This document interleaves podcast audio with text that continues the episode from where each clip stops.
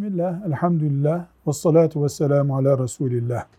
Kur'an-ı Kerim'de mübarek ağaç olarak gösterilen ağaç zeytin ağacıdır.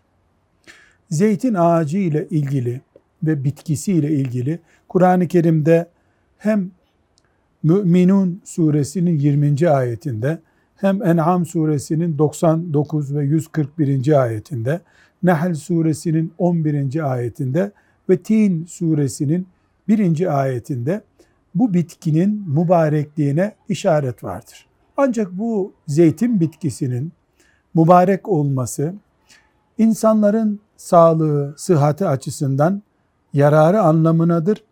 Allahu Teala'nın insanlara bereketine işaret ettiği için faydalı kıldığı şey anlamındadır.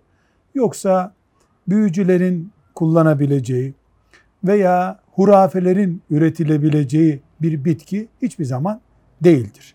Velhamdülillahi Rabbil Alemin.